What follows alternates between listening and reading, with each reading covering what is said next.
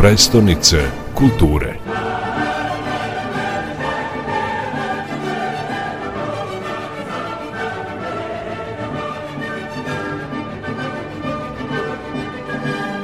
Pred vama je jedan vrlo kompleksan zadatak, a to je kako uobličiti takvu muzejsku postavku i aktualizovati i učiniti je atraktivnom za širu publiku. Sa kakvom građom raspolažete? Najpre muzej košarke koji će biti smešten u Sokolanu, uh, u samom jezgru uh, centra grada imaće, taj muzej će biti na dva nivoa. Na donjem parternom nivou postavka će se podeliti na dva dela. Prvi deo postavke će biti okrenut srpsko, pregledu srpske i jugoslovenske košarke koji će biti podeljen po celinama 40. 50. 60. 70. godine pa sve do dana današnje gde će biti prikazani najvažniji uspesi jugoslovenske i srpske košarke.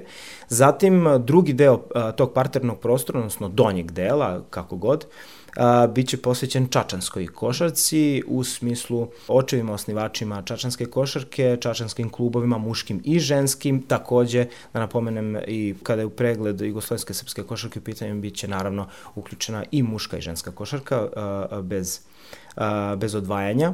Zatim posetioci će imati priliku da se popenju na galeriju, odnosno na drugi sprat, jel tako, gde će moći da vide neke od ekskluzivnih sadržaja poput dve sobe, jedna će biti namenjena, kao što sam napomenuo, prvom čačanskom sportskom superstaru Radmilu Mišoviću koji je igrao od 50-ih do kraja 70-ih godina i zatim će posetioci preći u drugu sobu koja će biti posvećena Draganu Kićanoviću koja će biti uređena po tom kulturološkom modelu 70-ih godina sa sve rock'n'rollom i, i, i modom i lifestyle-om tadašnjim kakav su oni zapravo imali 70. godina. Zatim, zatim će posetilac u, u, u, dalje, u dalje hodnoj liniji imati priliku da se upozna sa holom slavnih mhm. čačanske košarke koji će uključivati nekih četir, za sada nekih 40 imena Uh, dakle, kažem, počevši od 40. godina pa sve do danas.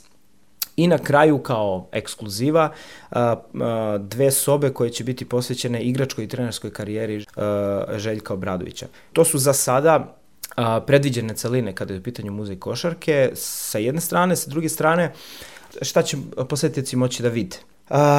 dakle, pored tradicionalnih trodimenzionalnih predmeta, majici, dreseva, trofeja. trofeja, medalja, pehara i tako dalje, patika koje upotpunjuju taj kulturološki, fenomenološki deo priče.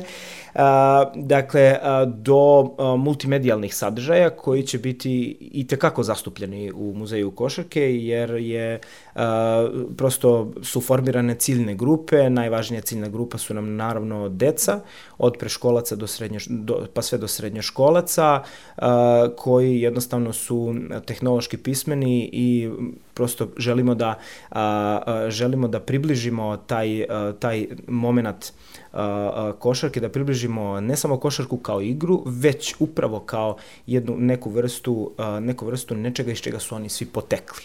Da, da im košarku približimo i da košarku nauče na taj način.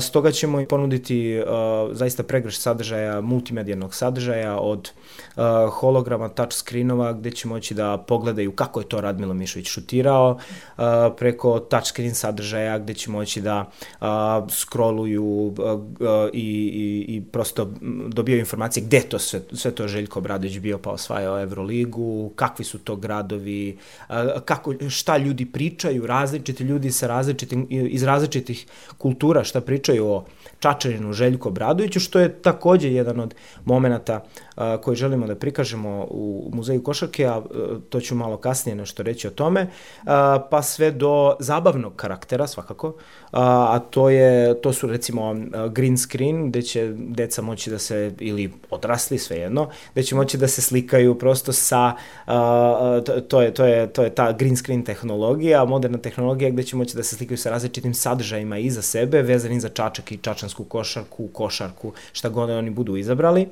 Zatim tu su neki interaktivni uh, sadržaj uh, poput uh, wingspana, dakle gde će moći da se izmere, jel tako, sa tim čuvenim košarkašima, koliko im je raspon ruku, visina i tako dalje. I planiran je, planirano je da u muzeju košarke uh, bude ostavljen ipak jedan koš koji će biti a, koji će moći da se na neki način i u nekim varijantama a, svakako koristi. A, ono što je naš prevashodni cilj je da muzej traje. Dakle, ovo je samo početak i naš osnovni glavni poziv uh, je da muzej kožarke dobije perspektivu.